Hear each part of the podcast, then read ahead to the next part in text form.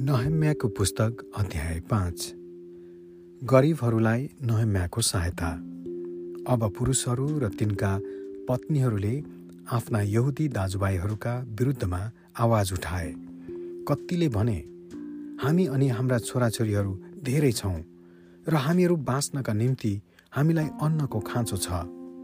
अरूले चाहिँ यसो भने अनिकालको समयमा अन्न पाउन हामी आफ्ना खेतहरू दाखबारीहरू र घरहरू बन्धक राख्दैछौँ।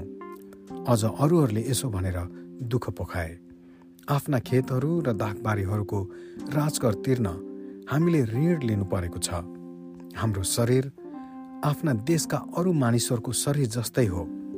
हाम्रा छोराछोरी उनीहरूका छोराछोरी जस्तै छन् तापनि हामीलाई आफ्ना छोराछोरीहरू कमारा कमारी तुल्याउन दिनु परेको छ।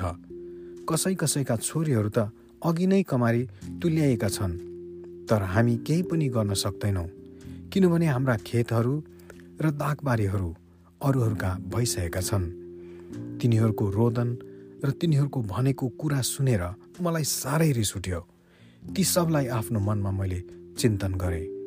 अनि भारदारहरू र अधिकृतहरूको दोष देखाउँदै मैले भने तिमीहरू आफ्ना यहुदी दाजुभाइहरूबाट धेरै ब्याज लिँदैछौ। मैले यस विषयमा एउटा ठुलो सभा बोलाएँ अनि भने हामीले सकभर अरू जातिहरूमा बेचिएका हाम्रा यहुदी बन्धुहरूलाई किनेर छुटकारा गराएका छौँ। अब दाम तिरेर छुटकारा दिएका आफ्ना भाइहरूलाई तिमीहरू हामीलाई बेचिरहेका छौ।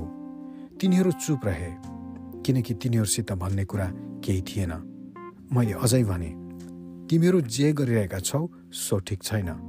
हाम्रा अन्य जाति शत्रुहरूको नजरमा निन्दित नहुनलाई हाम्रा परमेश्वरको डर राखेर रा, तिमीहरूलाई बस्नुपर्ने थिएन।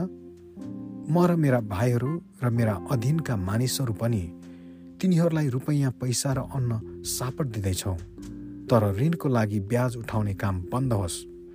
तिनीहरूबाट लिएका खेतहरू दागबारीहरू र भद्राक्ष बारीहरू र घरहरू तुरन्तै तिनीहरूलाई फर्काइदेऊ।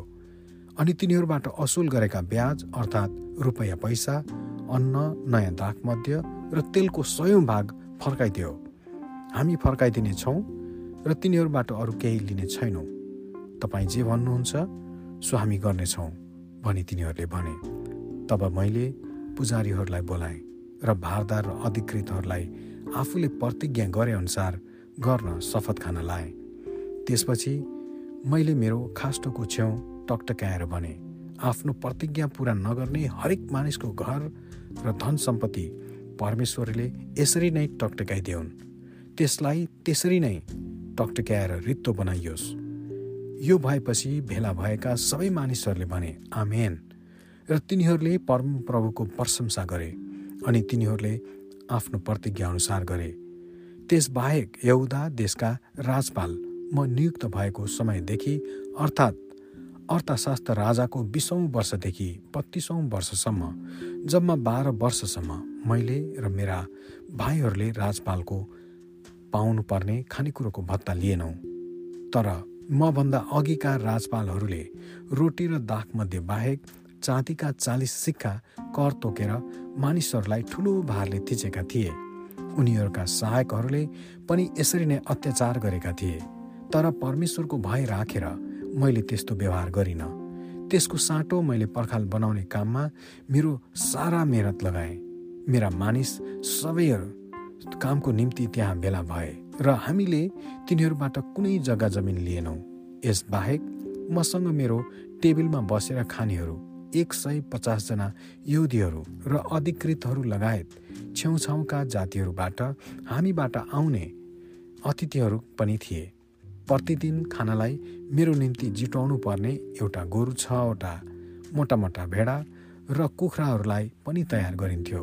दस दस दिनपछि विभिन्न प्रकारका दागमध्ये प्रशस्त मात्रामा जुटाइन्थ्यो।